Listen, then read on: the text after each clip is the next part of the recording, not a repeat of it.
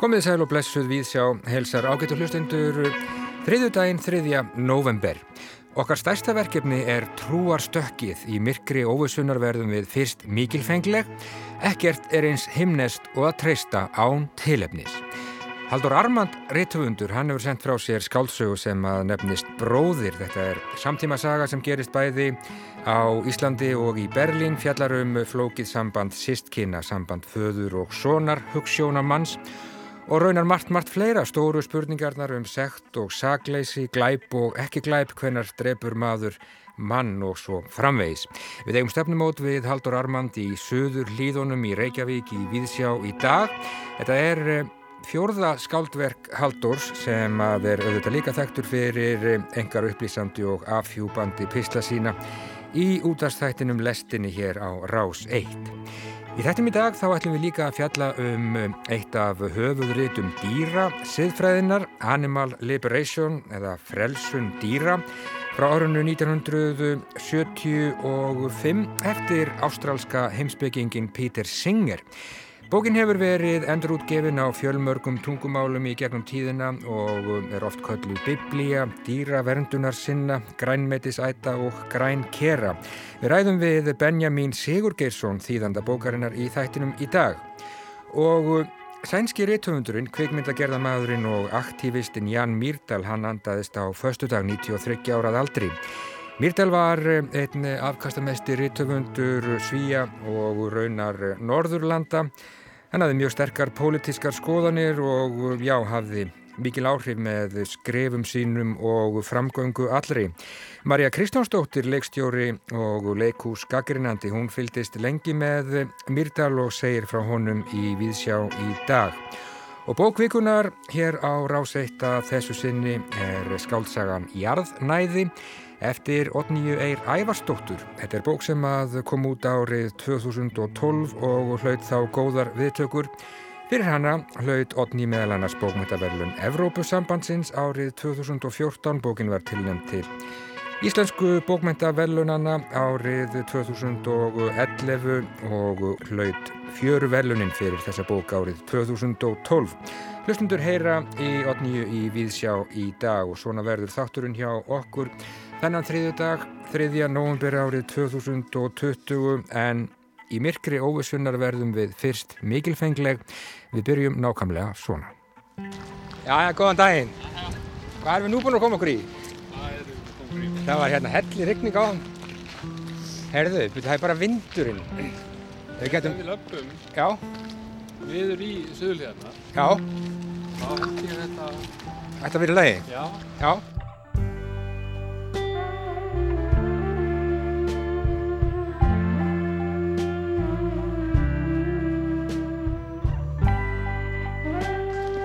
Ok, þú ert kunnur hér. Já.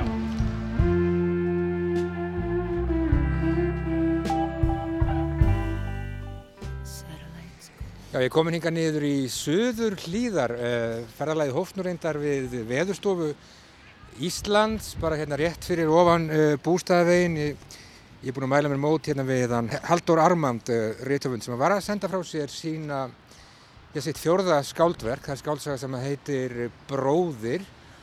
Bók sem að fjallar, já, um hvað? Ansi margar stórar spurningar myndi ég segja. Uh, hún fjallar um samband uh, sískina, það er strákur og stelpa og samband þeirra begja við uh, föður sinn. Þetta er bók sem að fjallar um sekt og lengdarmál og kannski spurninguna líka hvernig drefur maður mann, ég veit ekki og raunar margt, margt fleira haldur til hamingi með bókin og hvað er að gera hér? Já, þakka fyrir það. Um, við erum hérna í Suðurlíðunum. Ég semst ólst upp sjálfur í, í hlíðunum og hérna fólk sem verið hérna gerir greinamun á þessu tönnu sko. Mm -hmm.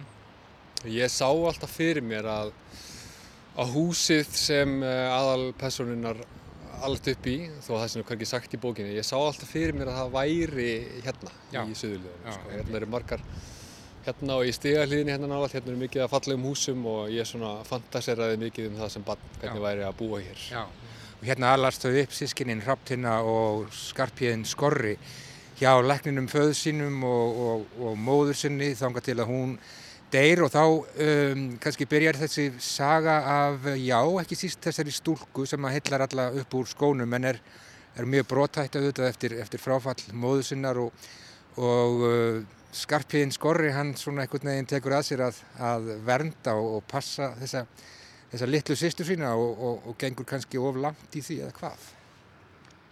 Já, hann hérna, já, bara, í, þetta er bara svolítið klassíst að hann hérna sem eldri bróður hennar lítur á það sem svona hlutverk sitt að, að vernda hanna og uh, ég ætla ekki að segja að hann hafi rámt fyrir sér í því að, gera það en, en hann, hann svona missir algjörlega tökin á, á þessu sjálfskeipaða hlutverki sínu. Já, uh, en það er kannski ekkert endilega honum sjálfum að kenna. Það er bara svolítið hérna örlögin svolítið grípa inn í þannig að þannig að þess að gefa upp á mikið þá, þá hérna í miðju miðju skulum við segja góðverki uh, þá hérna lendir hann í og lenda þau í ákveðnu atviki sem á eftir að setja Já. svip sinna á, á alla sögur eftir það Já, þá er hann hvað, 19 ára gammal einhver slíkt og, og eftir þetta atvik, ég vil nú ekki segja of mikið uh, fyrir þá sem er eftir að lesa en, en eftir uh, þarna ákveðið atvik þá má segja þau, þau lifið saman í einhvers konar, einhvers konar leindarmáli. Já, þau eiga þetta, skulum segja, eitraða leindarmál, leindarmál saman sem bara, já, árum saman í raun í senn sameinar þau og sundrar þeim, sko. óbærilegt leindarmál. Já, það, þetta er svo óbærilegt lendamál að það, það eiginlega hlýtur einhvern tímann að, að koma aftur fram, Já. koma aftur upp á yfirborðið. Nákvæmlega. Uh, maður veltir auðvitað fyrir sér þessum, þessum dreng uh, skorra, svona ungur hugsunamaður sem að, uh, já, hann leitur sig málefnin varða, nú þessi flott sena þar sem hann er í flugvélstatur með pappa sínum og reynir að stöðva uh, brottflutning á, á, á hælisleitenda eða, eða innflytjenda. Þannig að hann svona er, er, vil hafa áhrif á heiminn og fer í lögfræði og, og heimsbyggi en það er þessi skuggi sem, að, sem að hangir yfir honum allan tíman. Já, ég er satt best að segja, sko, langaði mig bara, var ég bara með þessa mjög einföldu hugmynd í kollinu því ég byrjaði bara. Ég vildi skrifa, sko, hérna, bókum um góðan mann innan geðsalappa, hugssjónamann sem bara lendir í því að, að gera ekki góða hluti. Og hérna þá var, var ég auðvitað að hugsa um þetta þetta kvót úr Rómurjabröfin í biblíunni sem ég verðum að heila með mörg ár sko, hérna bara hér góða sem ég vil gera, það ger ég ekki. Og það hér vonda sem ég vil ekki gera, það ger ég. Já, einmitt. Þú skrifar um sko ofbeldi ástarinnar og það hvað ástin getur fengið mann til að gera. Ég held þú skrifir einhver staðar að, að, að ástin fái mann til þess að gera eitthvað sem maður óttast eða eitthvað slíkt. Já, ég er bara með, já, alls konar, alls konar pælingar um ástina og hérna er kannski gaman að því að reyna að grafa upp einhverja nýjar hliðar á henni, þannig að já, það er svona, það má líta þannig á ástina, að hún hafi ákveðna skugga hliðar og hún getur svona, hérna, ég held að nú segi nú í fleiri, en einu og fleiri en tveimur bómyndaverkum að hún fái því til að gera heimskulegustu hluti í heiminum, sko, og, en líka bara er svona, hérna, þú veist, það máli líta þannig að það sé ákveðin kross að leggja á aðra mannesku að elskana sko. að, hérna, Þannig er það í þinni bók. þannig er það svo sannarlega í minni bók Heldur betur.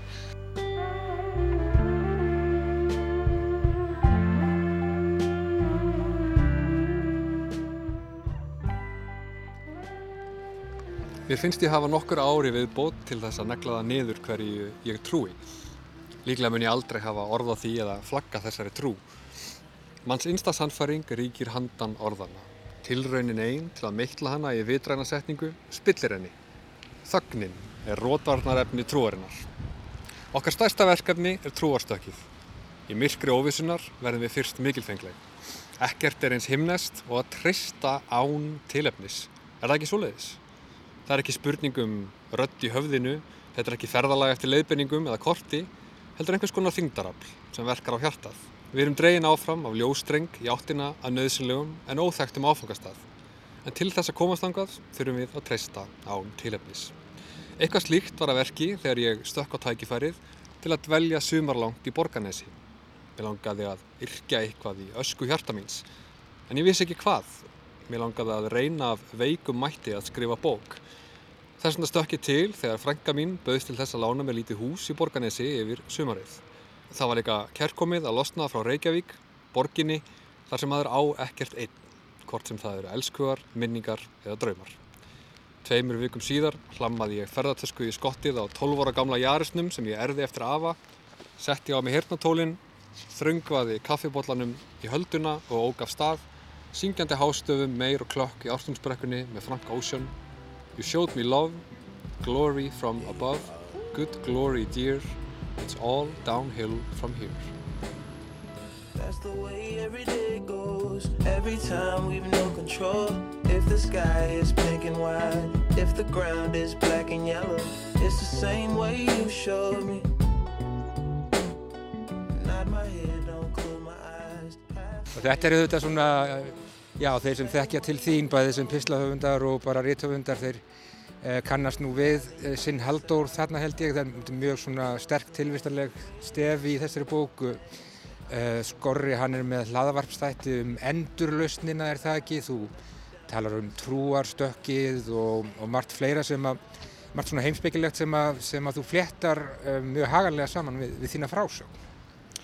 Já, það var hérna svolítið hug, hugmyndin með þessu öllu saman líka var að hérna að prófa að gera eitthvað nýtt og reyna að virkilega seppast að segja að gera eitthvað sem ég fannst bara, bara skelfilegt. Já. Þessi tilvísun er bara skelfileg og Já. það var hérna meðan þá að skrifa spennandi plott og, og reyna svona reyna meðvitað að gera bókina grípandi og svo frá veið sem ég bara hafði aldrei gert áður og, og leitt svo að hérna bara kæmi ekki náttúrulega til mín þannig að ég þurfti aðeins að finna út úr því en ég vissi svona að hitt kæmi alltaf svolítið að sjálfu sér sko. Ég held að allt sem ég skrifa, veist, það inniheldur alltaf hvað var að kalla það, einhvers konar svona, svona hérna sofa heimsbyggings uh, ángaveldur einhverjar sko.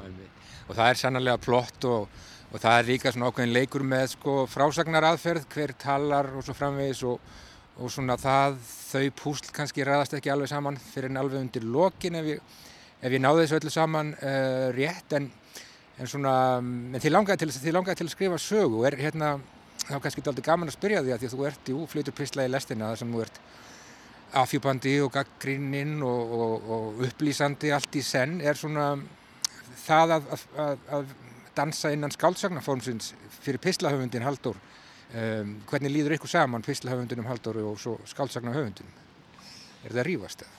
Um, nei, ég myndi segja að það sé bara nokkuð farsælt hjónaband sko. Ég geri, Veistu, já, það væri svo auðvelt að segja að þetta sé algjörlega tvent ólíkt sko. en, í- en, í, en í rauninni finnst mér þetta bara að vera svolítið sko, sami hluturinn. Eh, Maður ætla að geta sér sko, sjálfsögður skáldskapur ekki pistill en, en, en, en svona, það hvernig ég skrifa pistla finnst mér bara frekar líkt í hvernig ég skrifa skáldskap. Það er að segja að ég bara bara sest niður og byrja og þetta er ekki skipulagt fyrirfram eða ekki búin að ákveða viðfangsefni Nei. fyrirfram eða eitthvað heldur bara á, ef maður fara að nota þessa klísju hérna um flæðið sko þá, þá hérna einkenni það hvort tvekja sko og við erum hér í ja, svona daldið nöbrum vindi hérna í, í söður hlíðunum þar sem að þú þekkir vel til.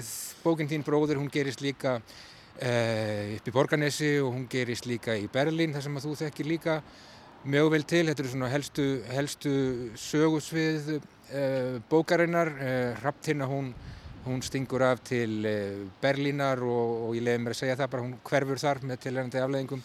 Um, þetta með að gera sko, um, þetta með að halda svona mörgum boltum á lofti eins og þú gerir í þessari bók og, og grípa þá alla undir lokin, þú hlýtur að hafa, hérna, þú hlýtur að hafa daldið lagt mikið á þig við það. Já, ég ég gerði það sko þetta var held ég sko, já, já, já, já, já ef þetta kemur allt heim og saman þannig í lokin þá, þá er það hérna En spurningar þó í loftinu líka. Það eru spurningar í loftinu skildar eftir líka en Já, hérna, jú, jú, þetta var, var meiri hátt að vinna sko og, hérna, og endalust, endalusar endurskriftir og, og bara örvænting og hérna, en ég vona að þetta hafi, hafi tekist að að berja þetta samansæmil í lokin og, og vonandi lúkar þetta smá svona eins og einhver sem er, er að djögla mörgum boltum og, og næri einhvern veginn að grípa þá síðan í lokin sko. Já. Og vonandi bara allir frjálsir í lokin eða hvað? Frelsið er indislegt og svo framvegis. Já, akkurat, sko, það er, frelsið er yndislegt og, hérna, kannski skiljum það eftir bara fyrir, fyrir lesendur, bara hvað, hvað, hérna, hvað fælst í þessu orði, frelsið, sko. Mm -hmm, Tvírætt og minnstakosti það. Uh, ég segi bara til hamingi með bókina Haldur Armand, uh, þú ert hér heima núna, Berlín aftur eða hvað? Uh, það verður bara komið ljós, ég Já. gerir mér enga sérstakar væntingar um það að hérna, það verður hægt að fara þannig aftur og slikka bara mjög fínt að vera komin heim og þessi döl mín hann úti var svolítið tengt þessari bók og, og hérna skila sér þarna. Já, já, ég ætla bara að lefa þessu að koma að þessi ljós, sko. Takk fyrir mig. Takk hérlega fyrir mig. Og fara að rigna okkur. Velkomin, stryk framann úr mér mesta hárið. Norðangarinn feikir mér um kollin á þér sem þú liggur á grúfu, andar að þér flóru landsins. Frelsið er yndislegt, ég gera það sem ég vil. Skildri maður verða leiður á því til lengdar að vera til Frelsið er yndislegt, ég gera það sem ég vil Skildri maður verða leiður á því til lengdar að vera til Já, frelsið er indislegt, heldur betur síðari tíma þjóðsöngur eftir Björn Jörund Friðbjörnsson með hljómsveitinni Ný Dönsk lag sem að kemur við sögu í skáldsögunni Bróður eftir Haldur Armand, bók sem að var að koma út og já, fjallarum stórar og betastæðar spurningar, endurlaust, trúar, stökk, spátóma hinn norræna sársauka, glæp og refsingu svo eitthvað sé nefnt og það er ekki lítið. En meira af reithöfundum hér í Víðsjá á þriðju degi. Á förstu dag andaðist í Hári Elli Merkur Svenskur reithöfundur, aktivisti og raunar margt fleira maður sem að átti að baki langan feril, skrifaði mjög mikið og hafði mikið áhrif en var sannarlega líka umdeildur.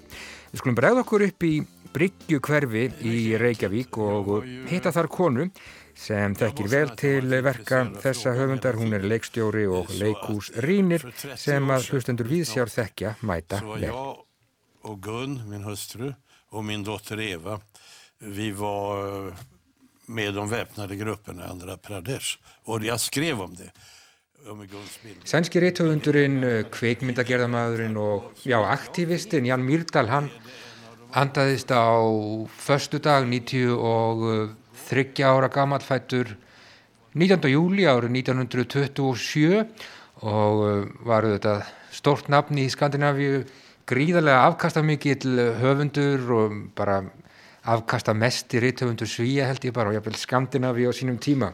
Marja Kristjánsdóttir, þú hefur lengi átt samleið með, með Jan Myrdal. Uh, viltu aðeins resa upp á minni, mitt minni og minni hlustenda, hver var, hver var Jan Myrdal? Já, mjög erfitt að segja hver Jan Myrdal hafi verið því að hann var, eh, eins og segir, mjög afkastamikil maður og skrifaði í flestum bókmyndagreinum og fann upp eina, nýja, fann upp eina og eh, sem var svona rapport uh, bókmyndir eða hvað við höfum kallað skýrslum bókmyndir, já, já, og byrjaði þannig með rapport frá in kinesisk bí sem var mjög fræg. Já. Og uh, hann var náttúrulega kannski uh, ég hugsa hann sé bara eitt stærsti uh, sænskir í töfundurinn á 20. stöld Já. og hann er, en, nei, hann er ekki mjög hann hafði ekkert samþygt af hinnum pólitísk rétt trúiðu svíum alveg og, en hann var mikil uppfyrsna maður og mikil baráttu maður og hann, hann skrifaði af, uh, til þess að uh, segja, breyta heiminum eða Mhm. reyna að breyta heiminum Já. Þú talar um rétt trúaða svíja. Uh, Hvað var það við, já, til dæmis bara pólitískar skoðanir, uh, Myrdal sem að gera það verkum, hann, hann eh, var ekki allra og er ekki allra, hvað, hvað einkendi hans pólitík á sínum tíma?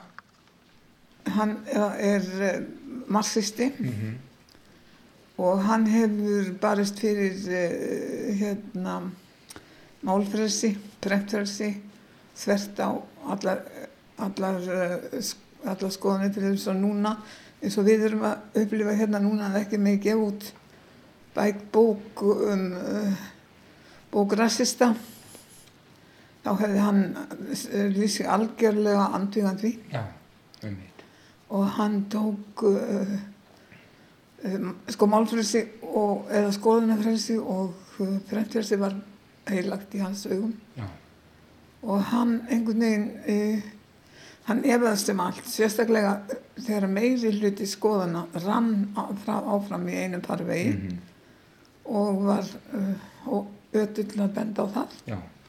Sko foreldrar hans uh, voru miklu spaðar, mammans stjórnmálkona og pappi uh, hagfræðingur, þau fengu bæði Nobelsverðlaun á, á sínum tíma.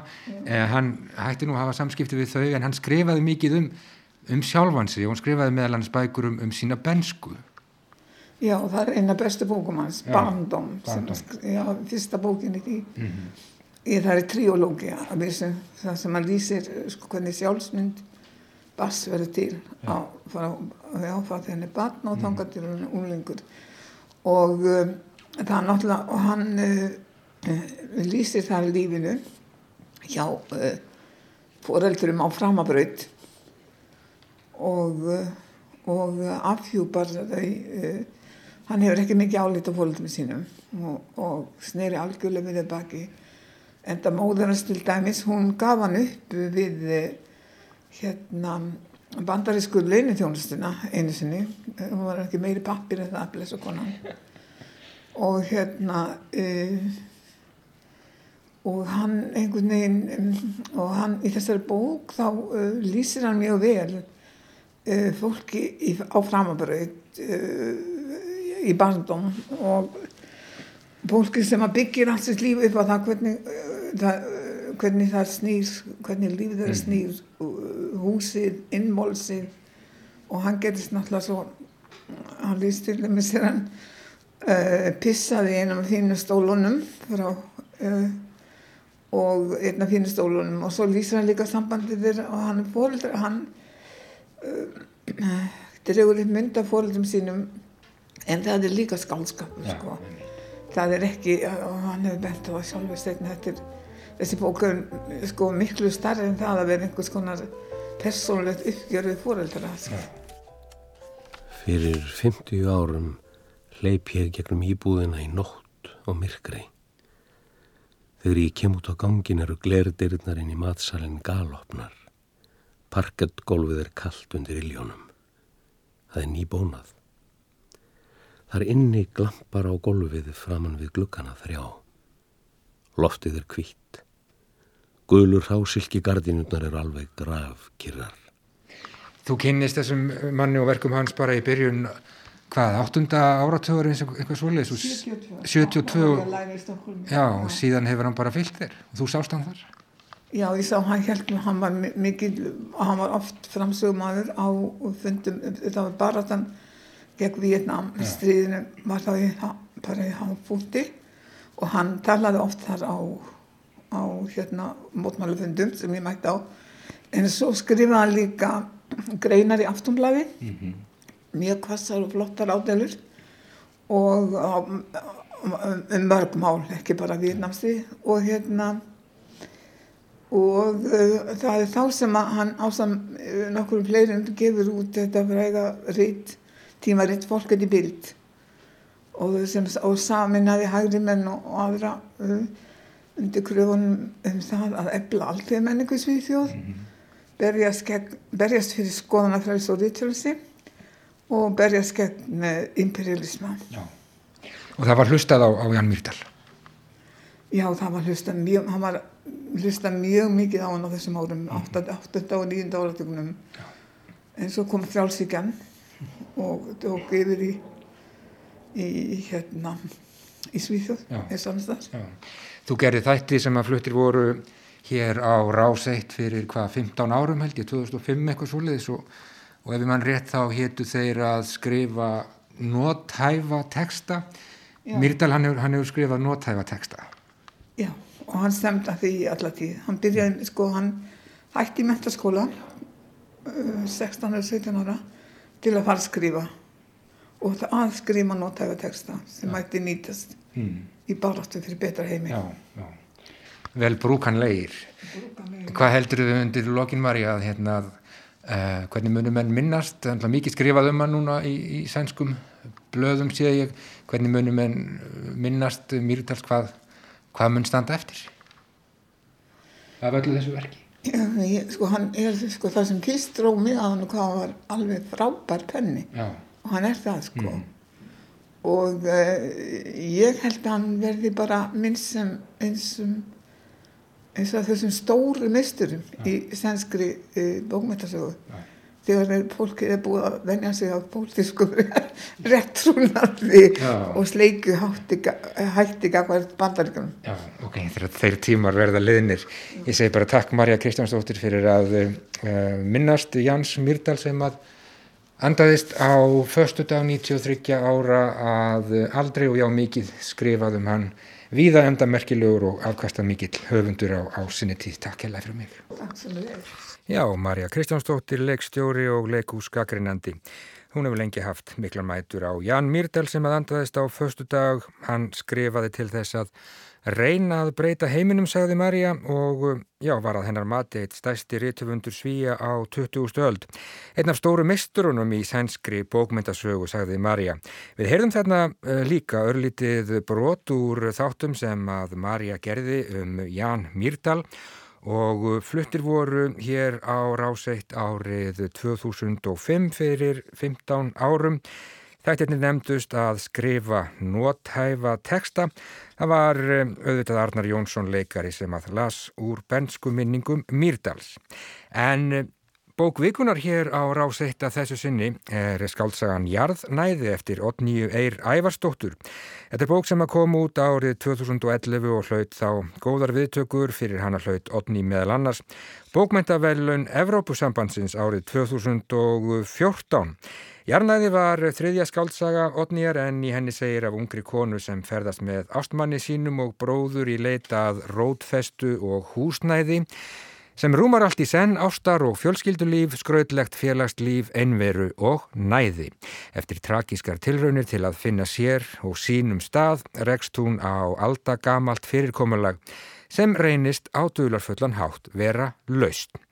Árið 2015 kom þetta verk út í enskri þýðingu í bandareikjónum þar sem viðtökur gaggrinenda voru mjög góðar. Við skulum grípa niður í viðtal sem Jórun Sigurðardóttir átti við Otníu í þættinum orð um bækur þetta sama ár í november árið 2015 þegar enska þýðingin var til þess að gera ný komin út. Jórun spurði einfallega fyrst hvernig kom þetta til?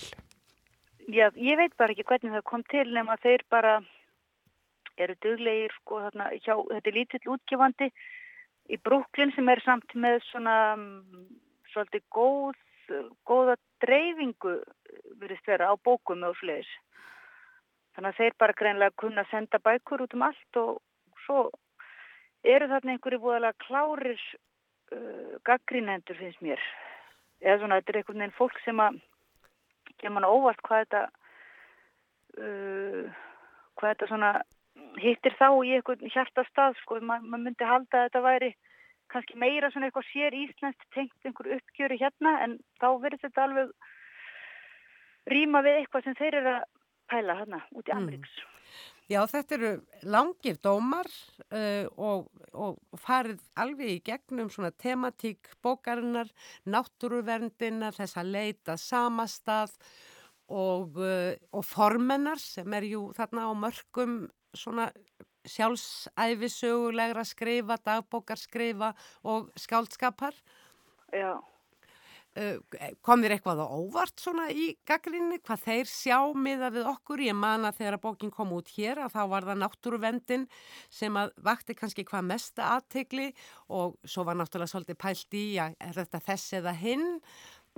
Já, jú, jú, það kom mér á óvart, það var eitt þarna sem að talaði alveg um sko ástarsögurnar og um hérna, það var alltaf skemmtilegt sem sagði að, að það væri bara kannski Íslendingum sem gæti sem Íslendingar kæmist upp með að tala um ástarsambund sem væri á mörkunum að vera eitthvað fyrðulegt eða svona abnormal tala um það á svona eðlilegan máta að fórki frökkum í Amerikum myndi leifast það, þetta fannst myndi alltaf svona áhugavert hvers vegna frökkum og bandrækjumönum geta ekki því líklega er, er þeir svo politíkli korrekt sko og meðvitaðir að, að höfundur myndi ekki leifa sér að skrifa svona þar.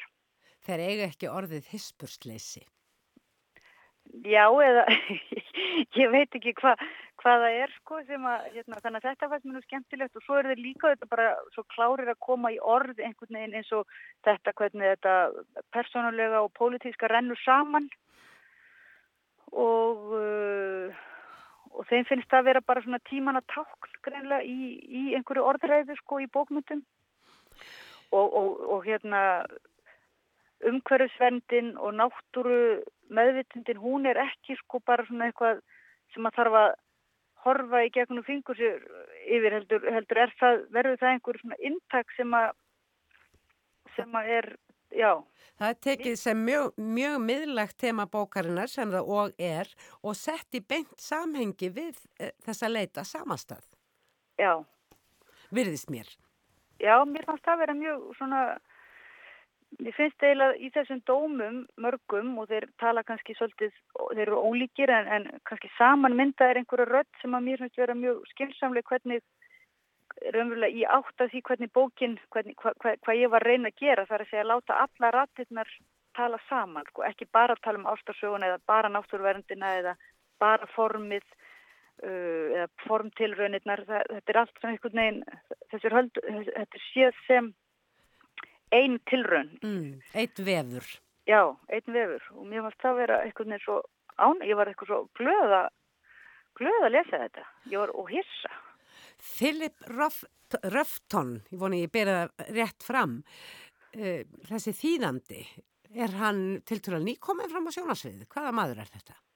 Þetta er bara einhver algjör snillingur sem er búin að þýða fullt af íslenskum bókum uh, Haldur Lagsnes og Jón Kalman og fleiri og fengi verðlaun og hann er bara einhvern veginn er svakalega nákvæmur og samviskusamur en líka svo skapandi og hérna við erum bara búin að vera mjög miklum samskiptum af því að hann raunverulega vill bara hann vill bara hafa þetta rétt mm. og hann er ekki að kasta sko samlega ekki að kasta til höndum og hérna og hann, það, mér var skemmtilegt að hann skrifaði sko marga tugi af skýringum fyrir þessu bók, fyrir útgáfuna. Og sem að fylgir sem sagt ennsku útgáfni? Já, fylgir, en, en sko útgefandin vildi ekki hafa þær allar með, sko. Hann sagði það er að treysta lesandarna til þess að en, en, en það er verðað samt sko til taks á, á vef eins og fyrir þess að því nú er búið að mæla með þessari mót, bók sem svona kennsluöfni í bandaríkjónum. Aha. Að þá þá getur þessar skýringar komið sem svona eins og viðöki og mér finnst það alveg bara að vera eins og sér bók út af fyrir sig sem hann er búin að skrifa. Það eru skemmtilega skýringarnar. Mjög áhugavert. Til dæmis skrifaði þarna eitthvað en um þingaraklaustur um eitthvað gamlan dómring og, og þetta er eitthvað það sem, sem allir þýðendurnir yfir á ítölsku og sörfnarsku og makedonísku, allir spyrjum hennan miklum upprópunarmerkjum hvað, hvað sé þessi dómringur og ég átti nú alltaf í erfileikum með að skýra það ég hef búin að gleyma því eða hvað það var. Ég þurfti að eitthvað leggjast aftur í rannsóknu á þessum dómring og enda með því að Philip hann bara skrifa alveg frábæra skýring á því og það bara leggst hann í algjör rannsóknir á því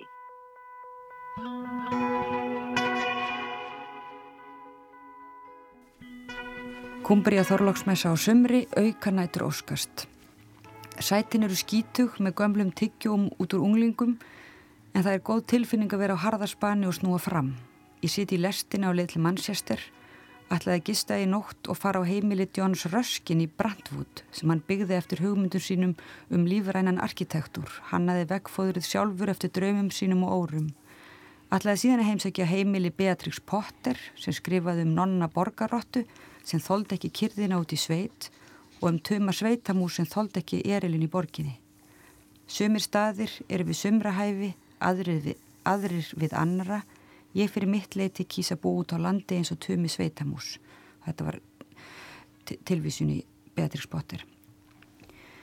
En ég let mér næja að kaupa bækurnar þeirrað sinni, verða að koma hinga aftur sem fyrst og fara þá lengra norður og út á eigjarnar, skoða steinarringana sem eru taldir vera sólúr eða kalendar, tengt heiðinni sólstöðutrú.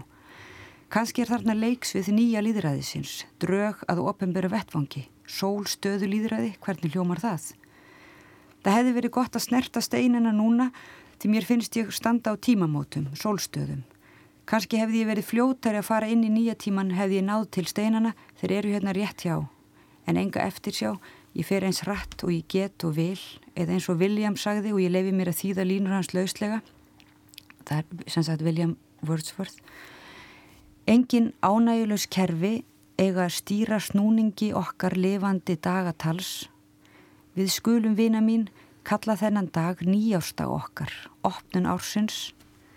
Ástin er orðin að fæðingu alheimsins, naflastrengur frá hjarta til hjarta, frá jörðu til mannskeppnu, frá mannskeppnu til jarðar, á stund tilfinningana.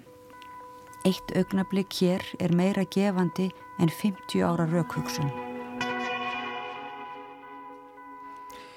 Já, við heyrum hér Otníu Eir Ævarstóttur lesa brot úr skáldsögu sinni Jarðnæði frá árinu 2011 áður rætti Jórun Sigurardóttir við höfundin. Jarnæði bókvikunar hér á ráseitt að þessu sinni gestir auðar aðalsteinsdóttur í þættinum á sunnudags morgun. Verða þær Solveig Anna Bóastóttir, Guðfræðingur og Þórun Hrefna Sigur Jónsdóttir, bókmyndafræðingur. En þá ágetur hlustendur að allt, allt öðru við vikjum að gamalli spurningu sem að þó er enn ný. Megu við borða dýr og skiptir það máli hvort dýr finna til? Þetta eru spurningar sem að manneskjan hefur velt fyrir sér í þúsundur ára og enn höfum við ekki komist að sameinlegri niðurstöðu. Lengi taldi maðurinn sig vera miðju, jarðar og drottnara allra lífvera en svo hugmynd stendur æ hallari fæti. Eitt merkasta innleggið í þessa umræðu er bókin Animal Liberation frelsun dýrana frá árinu 1975 eftir ástrálska heimsbyggingin Peter Singer. Hún er að koma út í fyrsta sinn í íslenskri þýðingu. Halla Harðardóttir hitti þýðandan niður í bæ. Ég sest hérna niður með honum Benjamin Sigurgersinni. Hann er kennari við Mentaskólinni Reykjavík, kennir þar eðlisfræði en uh, var að þýða sína fyrstu bók. Þetta er bókin Animal Liberation eftir heimsbyggingin Peter Singer og við ætlum aðeins að ræða bókina og hennan mann sem að hefur reyndar verið umdeltur líka, við kannski koma aðeins inn á það. Sæl og blessaður Benjamin. Kontur sæl. Byrjum aðeins á þessu manni, Peter Singer, hann er ástrali, Mm -hmm. heimsbyggingur, mjög virkur. Þetta rít sem að kemur út 1975 er auðvitað hans þekktasta rít, Animal Liberation, sem að í þinni þýðingu er frelsun dýra. Um, hann hefur sjálfur sagt frá því hvernig hann svona fór þessa leið, svona hálger vitrun sem hann fekk í mötuniti þegar hann var í doktorsnám í Oxford og byrjaði hans þar. Já, hann er sér sagt hérna var að stunda heimsbyggi með áherslu siðfræði í Oxford og hafði ekkit veitt þessu sérstakann uh, gaum varðið dýrin uh, en á saman tíma hafði hann uh, verið að skrifa mikið um sko hvernig þetta hjálpa fólki út í heimi sem var í fátækt þannig að hann var alveg með eftir stað og svo var hann í, í mötunetinu með félagið sínum og tók eftir því að, sem spurði hvort það væri e, kjöt í sósunni og svo þegar hann komst að það var kjöt í sósunni þá baði hann um að fá e, græmyndisréttin sem var svona salat. Og hann spáði ekkert mikið í þetta lengur. Og svo sest, þegar voru búin að borða þá spurði hann af hverju valdur ekki hérna kjötréttin og þá sagði hann að það væri vegna þess að hann væri fara svo ítla með dýr í framlýsli þegar þau eru búin til. Og hann hefði bara aldrei uh, leitt hugan aðeins eins og svo margir og sérstaklega á þessum tíma þetta verið 1973 eða eitthvað alveg en út frá þessu þá sagt, uh, fór hann að spá mjög mikið í þetta kynntist uh, öðrum græmiðsætum hann í Oxford. Og komst sagt, fljótlega þeirri niðurstöðu, hann var að hjálpa fólki að rýtstera bók sem kallaði með derni og hann komst fljótlega þeirri niðurstöðu að það væri uh, óverjandi að uh, neyta dýra, sérstaklega þeirra dýra sem eru framleitt í versmið búskap mm -hmm.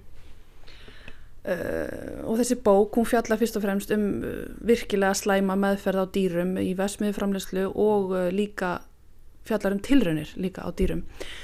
En það sem hann gerir hann gengur út frá ákveðnum hugmyndum og svo kallar að nýtja stefnu og svo líka gengur hann út frá hugmyndum um tegundafordóma.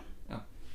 Þetta er þess nýtt hugtak tegundafordómar uh, eða tegundahyggja og að hans er þess að uh, gengur út frá því að uh, vennið fólk sé ekki með uh, kynþáttafordóma eða kynjafordóma og hans að leggur uh, grunn út frá því að gera svona samlíkingu við uh, tegundahyggju eða tegundafordóma og að það að við tökum hagsminn okkar eigin tegunda fram yfir hagsminni annara tegunda og þetta er nákvæmlega sama sem er að gerast bara í kynþáttafordóma þegar fólk tekur uh, hagsmunni sinna eigin kynþætti fram yfir hagsmunni kynþætti annara uh, og hann segir að, að minnstri sé nákvæmlega eins mm -hmm. og uh, þetta er einu það sem að verður svona leiðast ef í dýra siðfræði, er það ekki? Jú, það er sem sagt hefur reynd að gefa bækur áður og, en þær eru allar, ef maður sé að koma svo að það hefur bara floppað, það er náðu ekki uh, aðtegli almúans eða fjöldans en þessi bók, hún er alveg svo fyrsta sem náðu sko, virkilega góðri uh, aðtegli almennings og umfjöldun í, í bara fjölmjölum og, og mm -hmm. almenn mm -hmm. Hann sækir líka í brunnu annars heimsbyggings, Bentams, breska heimsbyggings sem, sem er rauninni dýravenduna lögjöf okkar daga byggir á og hann er svona sá fyrsti til að setja fókus á það að dýr, jú, virkilega finni til og vegna þess að dýr finni til þá eigum við ekki að meiða þau. Þetta var náttúrulega bara nýtt á þeim tíma þannig að hvað upphafi 19. aldar. Nei, þetta er svona lengra síðan. Ég held að Bentham hafi verið hérna í lók átjándaldar að hann verið uppi. Mm. og að mjög, mjög framsækin uh, heimsbyggingur og, og hérna semst faðir allan þessara gerðar af nýtjastöfnu sem að Pítur Singer vinnur út frá. Og hann eins og margir nýtjastöfnum en þegar voru þeir mjög framsækni þeir voru langt á undir sinni samtíð um sagt, réttindi uh, hérna, samkynneira og réttindi kvenna og, og, og líka hérna gegn kynþáttafórtum og Bentham semst talaði mikið gegn þrælahaldi á sínum tíma. Og hann er með semst fræga tilvunum og spyr semst hvers vegna ættu við ekki að taka tillit til uh, dýrana líka? Vist, er það vegna þess að þau eru með öðru sér fældin við eða er það vegna þess að þau eru með fjóra fætur? Uh, eða og svo segir hann kannski er það vegna þess að þau eru gáðaðari eða, eða geti ekki alveg röggrætt en svo segir hann að það sé ekki spurningi sem við ættum að vera að spyrja heldur eina spurningi sem að skipti máli er hvort þau geti þjáðst. Og ef þau geta þjáðst þá þurfum við að taka uh, tillit til þeirra. Mm -hmm. en eins og margir heimsbyggingar þá er það stundum oft bara meiri orði heldur en uh, í aðgerum og Bentham var engin græmiðsæta en það var ekkert kannski ekki til í búið á þeim tíma. En uh, og sannst, margir heimsbyggingar voru kannski þeirra skoðanar en, en aðgerða þeirra fylgdi ekki eftir. En Pítur Singer sannsagt tekur þetta allar leið og tekur dýrin algjörlega inn í okkar síðferðis ring mm -hmm. Akkurat, það er mitt það sem er svo áhugavert við hann, hvernig hann praktiserar bara í raunveruleikonum sína heimsbyggi, þú veist, hann er ekki á okkur abstrakt leveli, hann bara fer alla leið.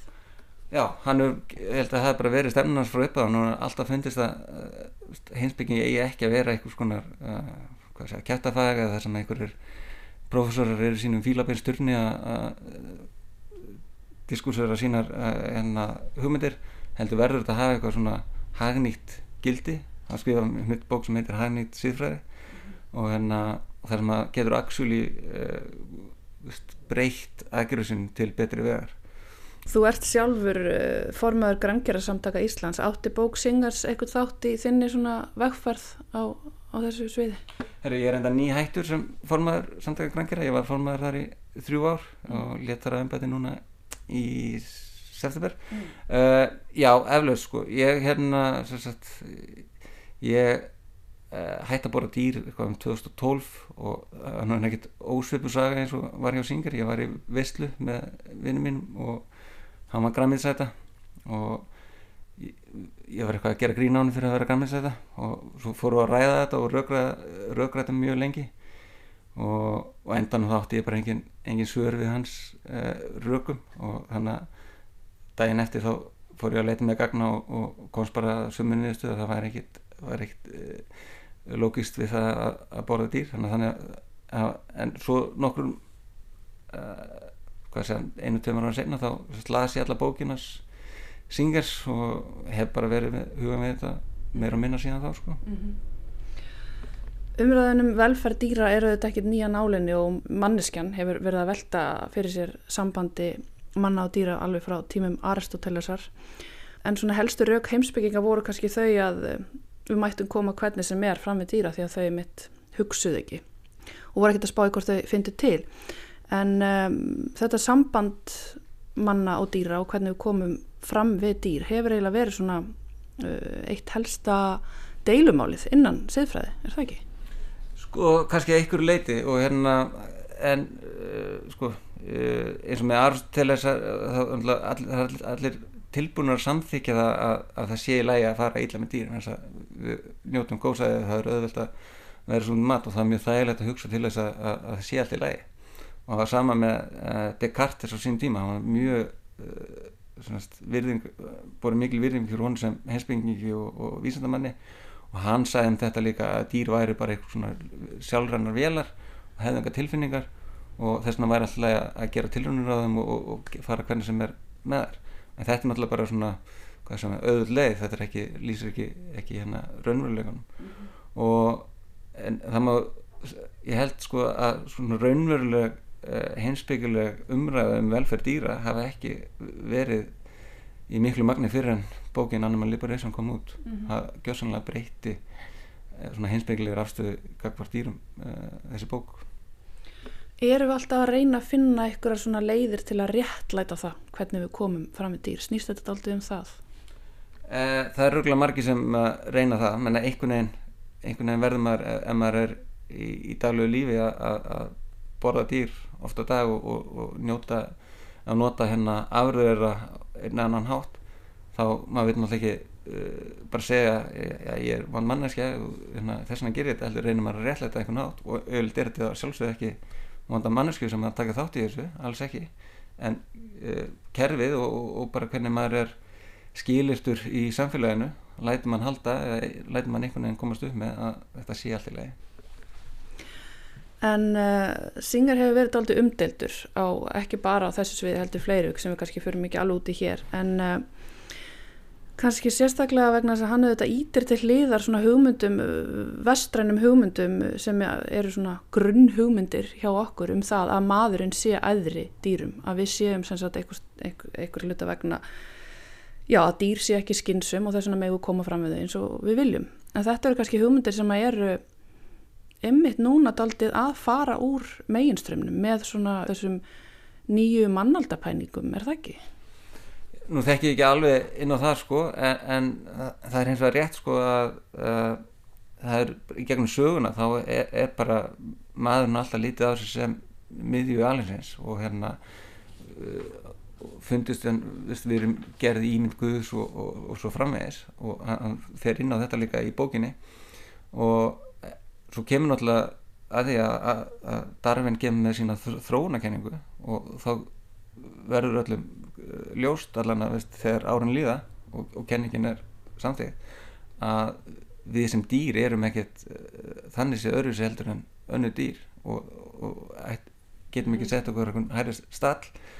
En það er, það er engin er engar hugmyndir hann í bókinni og, og sérstaklega ekki að það sé engin munur á mönnum og dýrum. Við erum náttúrulega mjög frábröðum öðrum dýrum á mjög mörgan hátt en ekki á þann hátt að við meðum hefðu okkur þannig að við komum fram í dýr bara hvernig sem er. Mm -hmm. Bókin hefur haft ótrúlega áhrif og auðvitað margar hreyfingar sem hafa tekið hana og fundið hljómgrunn í henni.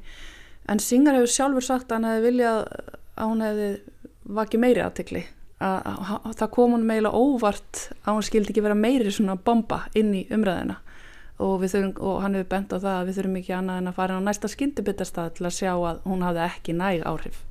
Já, það er rétt, hann, hann er, er nefnt að hann hefði viljað sjá uh, meiri áhrif á bókinni að sjálfsögðu. Og, og það er rétt að bókin hefur haft gríðarlega miklu áhrif og, og, umræðan um málunni er miklu miklu meira.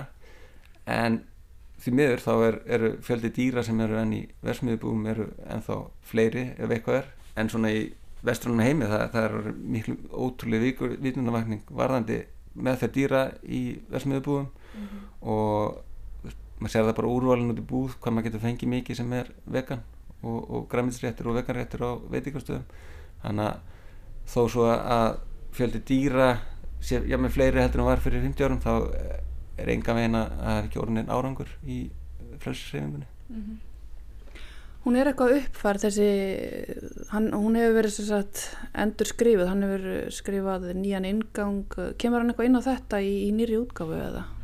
Já, sérst, bókin kom fyrst út 1975 og svo var hann endurúkið 1990. Tekstin hefur nánast haldið óbreyttur síðan 1990 en hann hefur skrifað sérst formúla við endurprentanir á bókunum og þessi endurbætta útgáfa frá 1990 hún kom til vegna þess að fólk á að vera að segja við hann að skildið hans afstöðu en þetta gæti ekki verið svona í dag. Það voru 10-15 ár sem hann hefði skrifað bókina og hann vissi náttúrulega betur að aðstöður hefði lítið breyst. Þannig að hann tók sér til og, og semst, safnaði nýjum gögnum sem, sem voru með nýri lýsingum á bæði tilrunum og uh, hvernig dýr eru framleitt þannig að það er uppfært í bókinu frá 1990 En í þessari nýju bók þá uh, fylgir yngangur eftir uh, hinn vinsala sagfræðing Harari Hva, inn á hvað kemur hann? Já, uh, eins og allir sem hafa lesið bókinas Harari, Sapiens þá kemur hann með mjög ferska sín inn á hvernig við komum fram við hústurinn okkar og hvers vegna þau séu líklega vansælustu dýr jarðarinnar og hann kemur með þetta frá svona sagfræðilegum vingli og, og sagt, uh, talar um að þó svo að, að dýrin uh, sé litlu vandraði með að fjölga sér og hafi húsaskjól og fæði og, og hérna, læknisastöð og hafi allt þetta hérna uh, sem við myndum svona halda ætti að duga til til þess að veita einstaklingunum gott líf að þá sagt, hunsu við alla svona tilfinningarlegu og sálfræðilegu þarfur þeirra tengsl fólkdra við börn og hérna þarfir uh, barna til að leika sér til dæmis. Uh, og ef, að, ef að þetta er ekki til staðar þá sérst, er, einstaklingurinn vansæll og ómægsamur og þetta kemur hann inn á í þessum ingangi eins og hann gerði í bókinu sinni Sæbjans Benjamin, til hamingi með þessa nýju bók þú ert búin að þýðana, þú ert að sapna fyrir prentun á Karolina Fund, mm -hmm. kannski segja mér eins frá því svona rétt í lókin Já, við erum sérst með söpnun á, á Karolina Fund þar sem er hægt að styrkja útgáðu bókarinnar og verða sér út um eintak af bókinni og uh, söfnun líkur á fymtudaginn þannig að ég bara hveti allar til þess að verða þessu út um þetta uh, einstöku bók. Takk fyrir spjallið Benjamin Sigurgersson og til hamingi með uh, já, ef ekki bara segja að hún mun að koma út. Jú, hún kemur út, bara vondi fyrir henn síðar Já, það var Halla Harðardóttir sem að ræti þarna við Benjamin Sigurgesson sem að þýðir bókina Animal Liberation frelsun dýra eftir ástrálska heimsbyggingin Peter Singer. Og svo nættum við að ljúka þessu í dag við sá hér aftur á sínum staðalöst eftir klukkan fjögur á morgun. Þá verður kannski búið að kjósa nýjan fórseta í bandaríkjónum, kannski ekki, kannski verður bara allt farið upp í loft fyrir vestan, vonum samt ekki ólíklegt að Úrslit ráðist í kvöld uh, eða í fyrramálið en uh, þetta er búið hjá okkur í dag. Tæknum aður í þessari útsendingu var uh, engin annar en Georg Magnússon. Takk fyrir samfélgina í dag. Kærlega verið sæl.